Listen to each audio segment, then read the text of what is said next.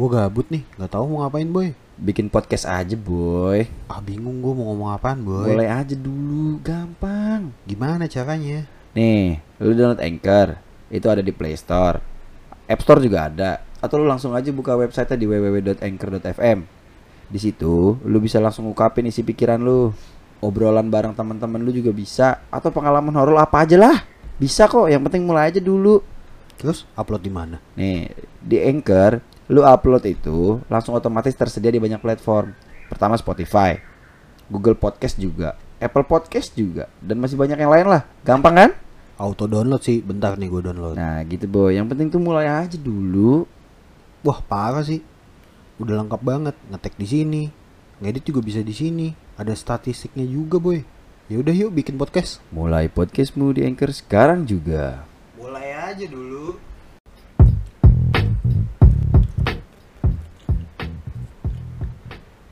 Buka boy. Masih di Opinion Podcast. Ada ulu-ulunya dong. Ada ulu-ulunya dong. Ini orang kalau udah ngetek tadi sebelum tek garing apa gahar banget ya. Garing tek. Kan tadi gue udah udah kayak gitu. Eh dipotong ada yang nelpon. Oh, diungkit dah. Boy, geser dong. Dia mah kayak gitu ya. Diungkit dah. Oke masih sama gue Anca. Buluk. Ipai. Ada pane. Ada Ipai. Gue wakilin Ipai. Nyetrum nih anjing. Boy, Ngomong-ngomongin apa boy? kita mau ngomong apa nih Boy? Ngomongin masa depan. Masa depan. Pendapat lu tentang masa depan. Lu punya rencana nikah nggak, Boy? Ada Kapan, pasti. Kapan, kapan? Ya pengen sih secepatnya ya. Sudah mengkristal, Mas. Sudah mengkristal, Mas. Menggumpal. Lu kapan nih kalau Lu lu? nikah cuma mau gitu doang buang anaknya doang boy. Sejujurnya gue butuh kalau seks. Gue nggak munafik, gue butuh lah.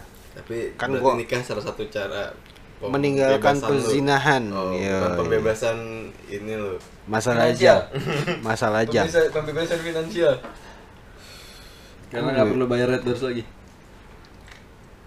Apain sih? lu udah ngomong. Otaknya mesum banget ya. Dah, Lu berdua anjing sama. Iya, lu juga kan. Enggak lah. Iya. lah gue tahu dari tempat doors bagus saja dari siapa nih? Ambon. Lu mau nikah kapan nih? Kalau lu nih Jadi modal aja lah. ngikutin model ya. Jadi tapi pengennya secepatnya kan. Tempatnya. Kalau bisa seandainya nih finansial lu udah oke ya kan. Hmm. Lu mau kapan? Tahun depan lah. Tahun depan oh, 28 lu ya? 28. Ya. Kan lu juga 28. Ya iya 28. Salam 28. Yoi, mantap bro. Lu berapa tahun depan? 26. 25. Salam Oh, apaan 25 anjing? Parah banget gue udah begini anjing tangan gue tangan gue 26 begini. gua Udah belum. gue udah 6 anjing. Tahun ini 25 gue. Lu mau kapan lu nikah? Tahun ini boy, insya Allah. Tahun ini. Amin amin amin. Nah, nih boy ngomong-ngomongin soal nikah nih boy. Kan orang udah nikah, ada kemungkinan punya anak. Kalau lu pandangan lu soal anak gimana boy? Lu mau punya anak apa enggak? Apa lu akan langsung punya anak? Apa lu mau program? Apa lu tar dulu deh punya anak belum kepikiran? Gue mau nikah aja dulu. Gue mau. Coba Pai, lu dulu. Lu anjing. Oh, gua. Kan tamunya dia. Lu, gue nanya lu dulu. Tamu dulu. Dapat. Yaudah dah, atur dah. Gue jadi kayak agak kurang koordinasi ya perkara dia males jawab Rantek, dong emang anjing. Ya udah gue deh ah. Yalah. Gue kan kagak mau tadinya. Enggak mau punya anak. Mau lah. Gak mau nikah. Mau lah. Oh punya anak tapi gak mau nikah. Hmm. Gimana gimana gimana? Tadi kalau punya anak Mm-mm. Lu tipikal yang mana nanti setelah nikah? buat anak Apakah lu langsung punya anak, mau langsung punya anak? Apa lu mau program kayak berapa tahun baru punya anak? Apa lu belum kepikiran? Apa lu kayak nggak mau malah? gue pengen cepet lah pengen cepet kan karena udah nikahnya juga nggak muda-muda banget kan? Iya kan? Jadi Iya, sebisa mungkin cepet lah seminggu kalau bisa lima kali. DP dong berarti. DP dong. iya. Ya pengen cepet lah soalnya kan udah udah tua tuh. Gimana Kalau caranya bisa langsung kalau Iya. kalau bisa dikasih langsung mau punya Ah, anak aja gitu ya. ya- Adopsi aja. Beda lah adopsi sama lu bisa menghasilkan sendiri gitu kan. Kalau lu kapan lu? Eh kapan? Kalau lu gimana? Gua kalau anak sedikasihnya aja lah. sedikasihnya Ya, tapi kalau gua nggak berani. Ya, berarti gue belum dipercaya. tapi gua nggak nggak ya dikasih ya maksudnya nggak nggak menuntut buat harus langsung gue pengen punya anak gitu. Tapi segala macem yang intinya adalah sedikasihnya aja kalau emang dikasih langsung setelah nikah ya alhamdulillah Kalau nggak dikasih kalau nggak belum masalah. nggak masalah jalanin Kalau aja beneran nggak dikasih gimana? ya berarti emang gue belum dipercaya aja boy legowo ya adopsi anak lu lah gampang Kalau lu gimana, Pai? Kalau gua Ipa ini yang asik banget nih Mm, kayaknya. jawabannya dia nih ini nih asik nih dia anaknya. kalau gua melemparkan tanggung jawab ke orang lain kan beban jadi. Gua memutuskan punya anak setelah menikah kan berarti. ya Iyalah. misalkan sekarang DP namanya DP Ketika gue merasa ekonomi gue sudah cukup merdeka dalam artian kayak gue sudah merinci kebutuhan anak gue kira-kira untuk tiga tahun ke depan sudah aman gitu terus sudah terbackup tiga tahun lima tahun gitu. Maksudnya lu punya anak itu banyak biaya tidak terduga lah gitu kayak Berarti- anak lu ntar ya butuh apa gitu keperluan-keperluan tidak terduga tuh banyak gitu maksudnya gue tidak pengen yang kayak menyerahkan ya namanya rezeki anak nanti ada gitu namanya segala macam ya gue percaya itu ada tapi maksudnya gua Lebih nggak- baik lagi kalau iya, dipersiapkan bu- bukan gitu bukan berarti lu punya anak kayak lu bisa gambling kayak gitu gitu Iya, loh. iya. kayak ya kan anak lu nggak bisa apa ya Hmm. ya nggak bisa lu serahkan kayak gimana nanti Nggak gitu. bisa lu lah, telantarkan kan. juga iya kayak gitu jadi kayak gue sih ya minimal banget kayak lu buat lahiran aja gitu minimal Hmm. banget lu Oh, iya, iya, megang bener. 20 juta lah gitu kan dan itu kan nggak tahu juga ntar kayak istri lu bisa normal atau sesar gitu kan sesar apalagi gitu lebih lebih dari itu gitu. Sesar berapa sih? tapi kalau yang gue tahu kalau orang udah hamil kalau sebanyak pengetahuan gue ya sepanjang gue nanya-nanya sama teman-teman gue yang istrinya hamil itu kalau dia nabung buat lahiran nabungnya buat sesar ler Iya karena Hmm. untuk Menjaga ibaratnya, itu kan, bad case per- eh, apa ya eh, terburuknya lah. Iya bad karena case nya iya sesar kan paling worst case lah itu udah Iya. bukan bad case lagi. Jadi gue memutuskan itu ya ketika gue sudah merasa cukup tabungan gue Jadi lu kalau habis nikah ini ya maksudnya gua garis besarkan habis nikah lu nabung dulu sampai finansialnya kayak oh nih istri gua lahiran sekalipun sesar uangnya udah ada anak gua lahir biayanya tiga tahun ke depan ada backup lima tahun ke depan udah ada. Iya tapi kalau kalau gue pribadi sih oh, maksudnya gue menabungnya dari jauh-jauh hari sebelum nikah. Ya itu kayak Hmm. gue nabung kayak untuk keperluan gue nanti nikahnya sama setelah nikahnya itu sudah termasuk kayak Oh, dulu untuk biaya lah ya. Hmm. untuk untuk biaya nanti kayak eh, istri gue lahiran gitu. Minimal sampai di istri gue lahiran gitu. Pra eventnya siap. Iya, gitu. Ketika- pasca eventnya siap ketika udah mantap ada itu ya baru gitu. mas pointer banget. Terlatih. Tar dulu ler Ini kan berarti kalau misalnya finansial lu belum siap, tapi nikah lu udah ready nih, lu nikah dulu, kan nikah. Finansial lu buat punya anak belum ready itu berarti pas abis nikah sistemnya gimana tuh? KB pakai kondom apa sistem cekek? Eh bentar deh, sistem cekek tuh gimana? nggak tahu gue juga boy sumpah gue nggak tahu Bener deh. beneran gue nggak tahu sistem cekek boy. Bisa nggak tahu sih boy. nggak Kata gue taunya sistem gunung aja sih. Dia apa itu sistem gunung? Ya di gunung. Oh di gunung bukan di danau, Bukan. bukan di lemah bikin danau. Enggak sistem cekek gimana berdasarkan gue. Dicekek boy. biar nggak biar nggak Iya. ngejit gitu Iya. biar nggak ngejit di dalam boy maksudnya gitu. iya gue juga baru tahu ini ada gue taunya kegel kayak gitu tuh kegel nahan kencing gitu iya itu kan juga salah satu sistem cekek lepas. kegel nggak lepas tangan gitu kan yoi kalau bisa berhasil nggak ejakulasi berarti otot-otot lu kuat tuh Nah, itu gimana Nek? Gimana? apaan nih anjing Ya, itu tadi pertanyaan dia. Pertanyaan dia. lalu pakai sistem cekek apaan nih kalau apa sih tadi pertanyaannya iya kan lu berarti kalau finansial lu belum ready Hmm. lu udah punya istri Oh, lu berarti belum berarti in case- maunya du- gimana? duit, iya, Duit berarti- lu ini berarti deh. case, enggak berarti in case Nah. lu memutuskan udah nikah aja dulu yang tapi Kalau- tanpa kalau lu punya tabungan kalau lu nikah iya gitu kalau kan. biaya lu buat nikah kalau lu biaya lu buat nikah dan lahiran anggaplah udah ready nih tapi Ah. lu belum punya tabungan buat anak lu kalau udah lahir tiga tahun ke depan misalnya Hmm. baru cukup ya kayak lu buat hidup setahun anak mah udah ada nih tapi kalau sampai tiga tahun belum ada Ah. Ya, lu mesti tetap. nabung lagi misalnya enam bulan Heeh. selama enam bulan itu kan berarti lu belum ready punya anak nih Iya, misalnya gitu Ya enggak di saat di saat itu gue sudah memutuskan gue siap gitu kan Oh. ibaratnya ketika ya udah setahun lah gitu kebutuhan anak-anak Tetep, sudah terbackup. kalau udah nikah mau tetap cerut di dalam lah masa di Iya. sistem cek enggak karena maksudnya ketika lu udah punya anak bagi kita yang cowok-cowok gitu kan Iya. ya itu kan pasti salah satu motivasi lu untuk kerja Iya, lebih lagi balik kan lagi itu ya. Ini gua Iya. harus kejar rezekinya nih Kan anak. di- gitu. kita di sini agar tetap bisa di dalam ya enggak juga sih Iya, masa lu- pikiran lu berarti nikah buat keluar di dalam. doang sih. gue bilang keluar di dalam. Agar bisa tetap di dalam. Menikmati masa hidup sama istri Oh, iya, benar, dalam benar. rumah. Iya enggak, tapi gini, kan kayak kita pernah ngobrol karena di sini kita udah ngerasa ya lu udah nggak udah nggak bisa lah gitu hidup kayak buat diri lu sendiri gitu Iya, kan ya kan betul. lu ngerasa yang kayak anjing gue udah nggak tahu nih gue punya duit buat kebutuhan gue sendiri gitu gue punya waktu buat kebutuhan gue sendiri gitu. motivasinya beda udah Iya, sudah tidak ada lagi motivasi selain itu gitu. Kalau sekarang mungkin kayak kalau sekarang mungkin lu punya duit 20.000 ribu selama buat lu sendiri cukup, ya udahlah, nggak usah Iya. ngoyo-ngoyo banget lah, udahlah. Yang penting gua buat beli rokok ada ya kan nanti kalau udah nikah pasti lebih kecambuk lagi. Iya, udah itu. punya istri, wah istri gua harus makan nih, anak Tapi, gua harus makan iya. minimal. Iya, yang pastinya kan kayak Kalau ya, bisa hidupnya lebih baik lah. ya gue percaya kayak ketika udah punya tanggungan seperti itu kita pun kerja juga walaupun capek kayak terbayar lah gitu Iya, kan pasti benar, gitu. Ada ada yang menunggu di rumah ya kan lu Iya. nyampe rumah capek bahagia. Ya minimal kalau nggak kerja kerja amat podcast gajinya kan gede. Gede ya kan? Alhamdulillah ya. Iya. sekarang udah berapa sih sebulan? Nunggak anjing. Rokok gue padahal digaji sebat eh, dua batang per take nggak dibayar. Parah parah. Malah rokok gue diambilin. Lah kacau banget. Lu boy lu boy gimana boy? Gue kan udah pane udah. Lu gimana nih? Kan tadi gua udah.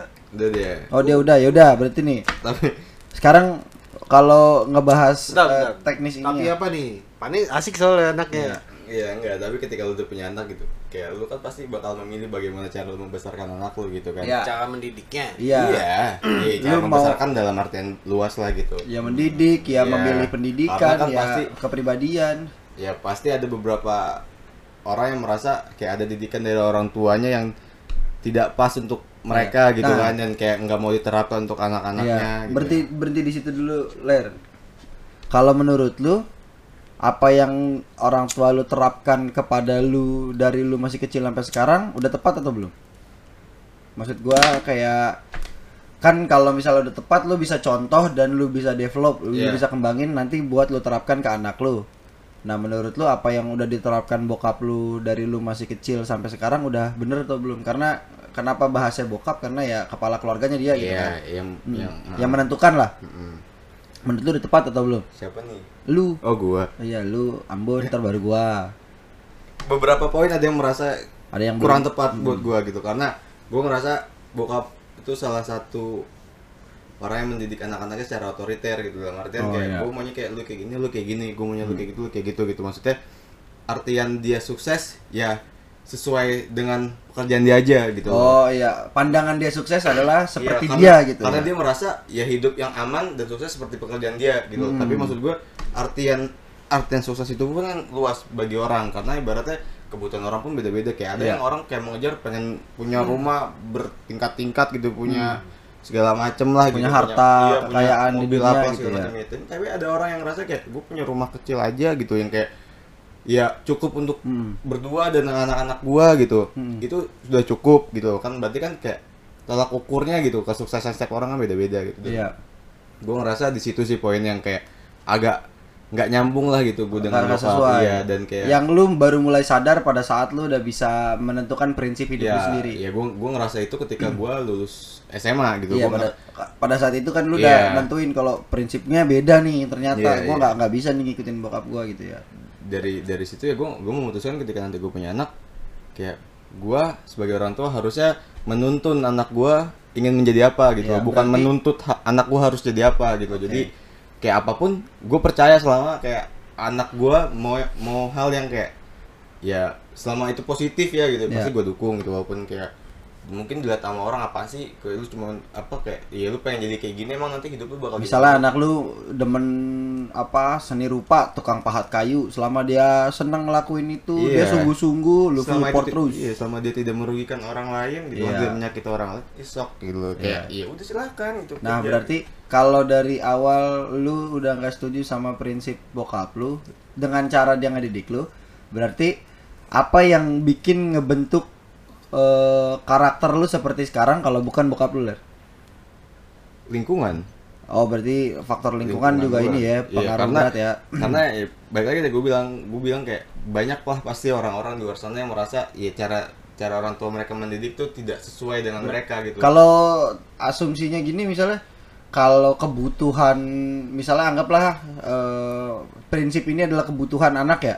Men- Penanaman prinsip ini kebutuhan anak. Kalau penanaman prinsip dari rumahnya dia, lingkungan terdekatnya dari ke orang tua itu nggak dapet, dia akan cari eh, pandangan di luar. Iya. Tapi kalau di dalam udah terpenuhi, dia di luar udah ready. ya betul Bener nggak kayak gitu? betul Asumsi ya, tapi maksudnya Iya, bisa gua- salah. pun bisa merasa itu benar Ah, sih Bener ya. itu benar karena ya kayak kalau misal lu ngerasa kayak apa ya ya lu nggak nggak nggak ngerasa pengen nyari sesuatu lagi di luar ya kayak karena lu udah gitu, ngerasa terpenuhi puas gitu ya. kan iya Karena mungkin eh, pandangan-pandangan hidup, pandangan Iya. prinsip Dan- kehidupan itu udah didapetin dari orang tuanya, dia nggak akan goncang lagi di luar. Iya, dan gue bilang itu kenapa kayak benar karena beberapa teman gue kayak gitu gitu maksudnya orang orang-orang yang kayak bisa betah di rumah main sama keluarga maksudnya kayak gue pribadi bukannya gue nggak betah main sama keluarga gitu ya Iya. tapi ada rasa yang tidak nyaman gitu kayak yang ngerasa mungkin dari dulu kayak gue tidak tidak dididik untuk dekat dengan orang tua dalam artian kayak sosok bokap gue tuh bisa jadi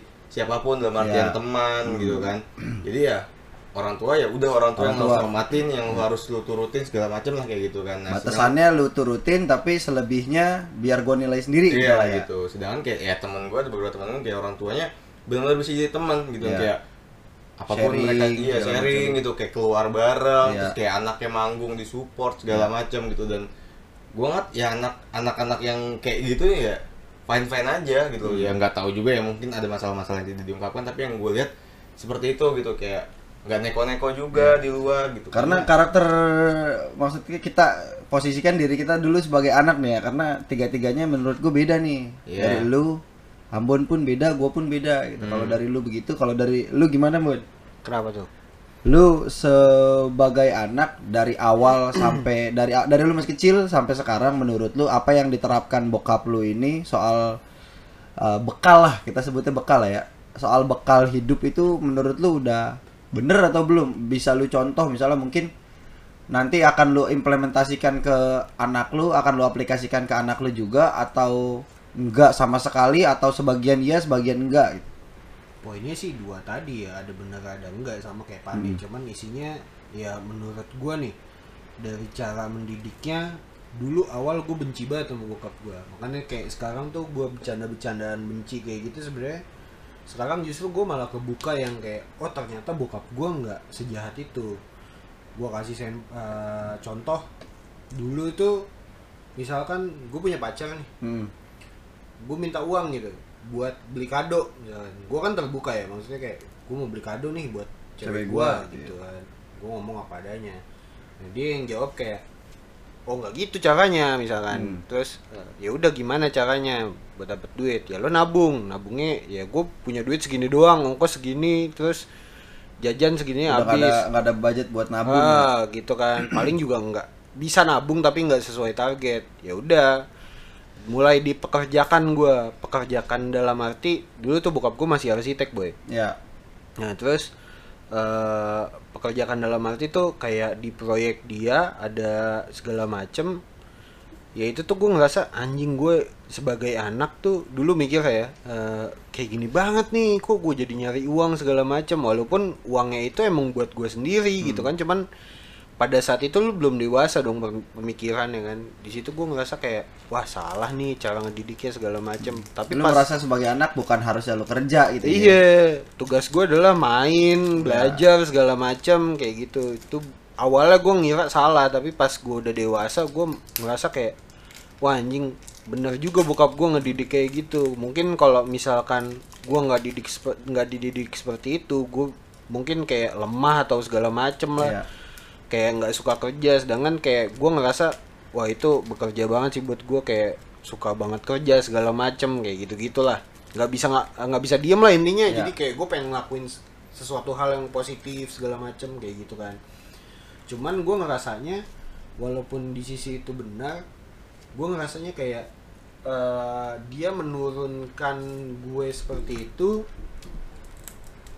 nggak diimbangin dengan apa ya dia ngajak gue diskusi segala Iya. macem kayak gitu Cuma dia. dididik Ah, aja. didik terus tuh nggak dikasih penjelasannya begini loh kenapa Ah, dulu gua begini jadi jadi nggak gitu ya. imbang antara praktek sama teori Iya. gue juga butuh teori nih jadi lu harus mesti dijelasin juga kenapa lu digituin gitu ya Hmm, nah ternyata impactnya adalah ketika gue sudah SMA gue punya kerja terus tuh iya jadi ya udahlah dulu tuh SMP gue tuh masih nggak suka cabut hmm.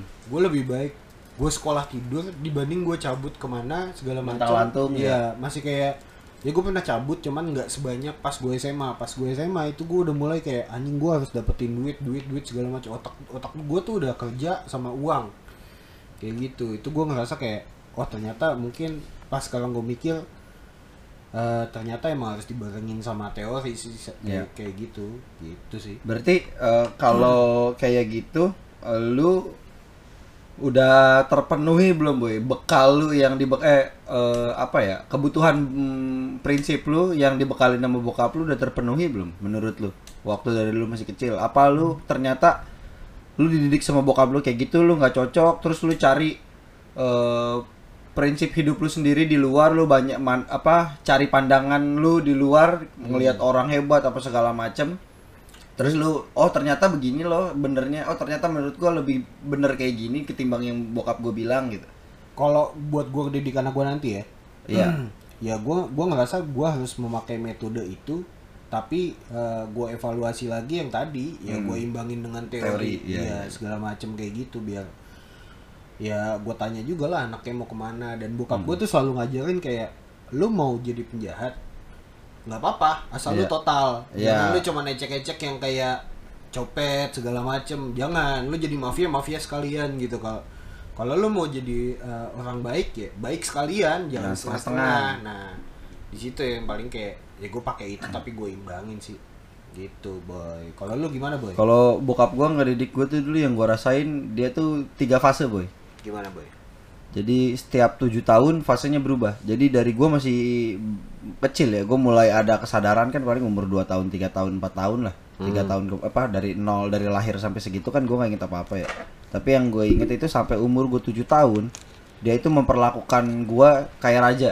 Maksudnya kayak raja itu kayak gue dimanja kayak gue tuh jagoan dia gue minta apa aja diturutin pulang kerja gue dibecandain sama dia segala macam Ah. mulai gue umur 8 tahun itu gue dididik udah sedisiplin tentara mungkin. Gue dicambuk gue dipukul di gue digampar gue di segala macam lah dikerasin kalau gue lagi salah. Ah. Pokoknya intinya gue dididik sedisiplin mungkin. Pada saat umur gue 21 tahun eh dari 15 sampai selanjutnya hmm. sampai sekarang dari umur gue 15 tahun sampai sekarang itu dia udah mulai menempatkan gue sebagai eh, memposisikan dirinya bokap gue itu sebagai eh, apa Teman. tempat iya tempat orang diskusi. Jadi kayak lu kalau bisa nanti kalau lu ada masalah lu diskusinya sama gue lu diskusinya sama gua karena mungkin kalau yang gue lihat adalah lu jangan sampai diskusi sama orang lain karena kalau gue diskusi sama orang lain gue dikasih pandangan lu harusnya begini begini begini begini segala macam dan itu belum tentu bener mendingan dia yang ngarahin kasih arahan segala macam lu mau pakai silakan enggak sih ya udah lu kan pikir sendiri orang tua ya orang tua lu ya Iya nggak mungkin kayak mungkin nggak mungkin dia tujuannya buruk segala macam. Jadi mulai dari saat itu gue udah mulai terbiasa tuh selalu diskusi sama doi segala macam. Apa pun gue lemparin ke dia ngobrol dari hal sepele segala macam. Untungnya sebokap gue ini makin lama makin open minded sama anaknya lah. Jadi kayak sekarang gue sama bokap gue ya kayak Sobi. Nah nantinya eh gue sih merasa dengan bekal kayak gitu gue nggak nggak sama sekali nyari oh ini bokap gua udah nanemin prinsip yang cukup kuat di gua kalau kayak kalau gua sih prinsip gua adalah dia tuh selalu bilang gitu kayak jadi orang tuh harus punya prinsip karena kalau lu nggak punya prinsip lu akan goyang terus Hmm. kayak simpelnya prinsip kalau gua nggak ngerokok mau orang nawarin segala macam rokok mau diiming-iming segala macam karena lu punya prinsip kalau lu nggak mau ngerokok lu nggak bakal ngerokok Hmm. Kalau gua setelah dibilang gitu prinsip gua adalah gua mau ngelakuin segala sesuatunya atas dasar bahagia. Hmm. jadinya ya udah gua ngapa-ngapain aja dibebasin sama dia kata dia. Lu kenapa sih mau gini? Ya prinsip adek gua mau ngapa-ngapain gua bahagia. Jadi gua ngelakuin ini karena gua bahagia dia nggak bisa oh ya udah kalau emang prinsip lu kayak gitu gua dukung. Ya udah gua dukung. Ya udah gua dukung. Asal masih posi- positif segala macam. Nah Eh, yang nanti akan gue implementasikan ke anak gue adalah seperti itu. Jadi kayak yang penting lu tahu tujuan lu apa segala macem bahwa yang lu pegang selalu adalah prinsip. Hmm. prinsip itu yang lu bawa terus. Mau lu nanti jadi apa misalnya tukang balapan lah anak bandel suka tawuran selama lu masih megang prinsip itu dia bakal bahagia. Ya udah karena kita kalau gua pribadi sebagai orang tua nanti mau ngeliat anak gua bahagia apa pun yang dilakuin gitu Nah kalau dia bahagianya kayak misalkan tawuran kayak gitu. nggak apa-apa. Nanti juga dia tahu misalnya ya udah kalau emang lu bahagia ngelakuin tawuran. Ya udah tawuran. Nanti dia bakal tahu impactnya seperti apa. Yang penting gua kasih gambaran lu kalau tawuran nanti bakal cacat bakal putus tangan lu bakal sobek pala lu bakal mati mungkin.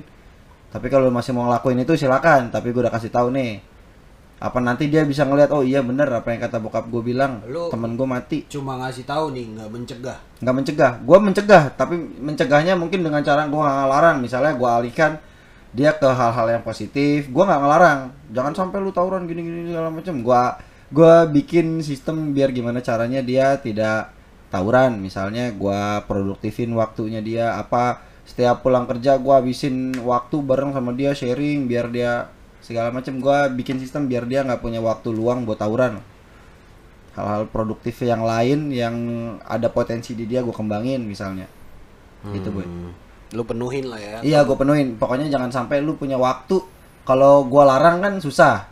Tapi kalau gue bikin dia sibuk maksudnya dengan hal-hal yang dia senang misalnya dia senang ngelukis kan potensi anak bisa lihat tuh dari kecil apa dia Iya. senang main musik. Ya udah lu kalau mau les musik ya udah les musik aja nanti dipantau apa segala macam kita mantau aja jangan sampai ngelarang kalau ngelarang kan anak sekarang aja dilarang susah Kalau kondisinya kayak gini boy, itu kan gua gua ngerasain hal itu tuh.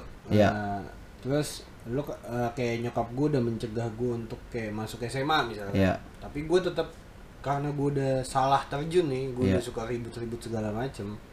Gue tetap milih STM. Terus lu bakal gimana tuh boy? Mengarahkan anak lu tetap ke SMA atau tetap ngikutin dia? Kalau gue gini boy, eh ini persamaannya ya sama kayak bokap gue dulu. Bokap gue tuh nggak pernah demen gue main di warnet. Hmm. Dia tuh ngelihat apa sih yang nih anak cari di warnet? Ngapain sih nih anak main di warnet? Kenapa sih nih anak lebih demen main di warnet ketimbang main di rumah gitu? Oh ternyata yang dibutuhin itu internet. Oh ternyata yang dibutuhin ada komputer, laptop buat main game. Hmm. Ternyata yang dibutuhin game sama internet doang. Pada saat itu disediain di rumah, gue berhenti main warnet tanpa dilarang. Hmm. Karena emang gue yang gue kejar itu bukan ke warnetnya. Karena emang yang lu butuhin itu ya. Iya, jadi nanti yang gue gue lihat dulu, gue apa, gue analisa dulu. Jadi, oh nih anak misalnya mau masuk STM karena emang demen sama dunia teknik, ya udah gue dukung. Kalau ternyata dia mau ini yang tawuran, mending gue masukin ke ring tinju. Hmm. Lu sama aja ribut di situ tapi fair, sportif segala macam gitu. Jadi Pai, Pai, gue mau nanya lu nih Pai. Lu lu pernah gak sih Pai? Udah rebahan anjing. Yes, gue gak kerja rebahan dulu. Lu pernah nggak sih, dipanggil. Lu waktu kecil eh, atau beranjak dewasa nih, pernah gak sih lu dipukul sama bokap lu? Enggak sih, enggak pernah. Kalau disabet pakai sapu lidi pernah gara-gara sholat sih. Oh iya, kalau sholat dicambuk. Iya. Alasannya apa? Alasannya apa? Pinggang pinggang ke bawah kan katanya nggak apa-apa gitu kan. Iya. Kalau misalnya lu sekali dua kali Nggak disuruh nggak sholat gitu Iya. kan. Iya. Iya, kan- Karena, itu. hukum dunia kayak gitu ya Iya. kan. Kali karena itu doang sih nggak nggak pernah sih bokap sih nggak pernah. Cuman dulu ya dulu tuh temperamennya tidak tidak langsung kayak fisik gitu sih. Misalkan kayak Ngomel-ngomel. Iya ngomel-ngomel udah pasti. Dulu tuh kayak gue tuh harus bangun tuh pagi gitu kayak jam 5 tuh setelah subuh gitu. Ibaratnya jam 6 lu udah aktivitas entah lu nga- mau ngapain kayak gitu kayak lu ibaratnya bangun tapi masih di kasur nggak apa-apa yang penting lu udah bangun gitu loh.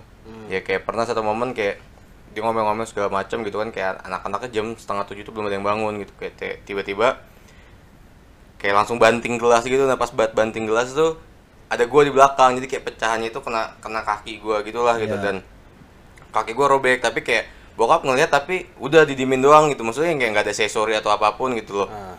ya mungkin gua mikirnya itu emosi lah gitu kan. Tapi sampai kayak ya udah. Menimbulkan dampak ya. Iya, tapi sampai yang kayak udah siang pun kayak ya gua akhirnya kayak dibawa ke rumah sakit tapi sama nyokap doang gitu kan, sama supir gitu. Terus kayak gua sampai rumah pun ya nggak ada yang kayak ditanya gimana segala macam nggak sorry. Enggak gitu, tapi kayak udah dia diem aja gitu. Dia ya. merasa bersalah dengan apa yang dilakuin iya gitu ya. gua nggak tahu juga sih. Tapi maksud gua itu salah satu momen yang kayak ngena aja buat gua dalam artian kayak ya. iya kayak gimana sih ini gitu kan kayak lu ya, keinget iya lu ya. kayak kat- katanya kan gua anak lu gitu maksud gua ya kayak gitu-gitu yang kayak nantinya gua nggak akan sih nggak akan gua mau lakukan ke anak gua lah gitu dalam artian kayak misalnya gua ngasih tahu terus kayak gue sampai emosi gue nggak sampai kayak gitu juga Apa pun lah, gitu. kesalahannya. apa pun kesalahannya gitu karena buat gue itu salah gitu loh itu salah ya, sama ya kayak gue pernah nanya kayak ke orang gitu kayak lu pernah gak sih pacaran sama lu kayak lu main fisik gitu ke cewek lu gitu misalnya kayak lu emosi segala macam pernah main fisik nggak gitu ya ada beberapa teman gue yang bilang kayak iya gue pernah sekali kelepasan segala macam bla bla bla gitu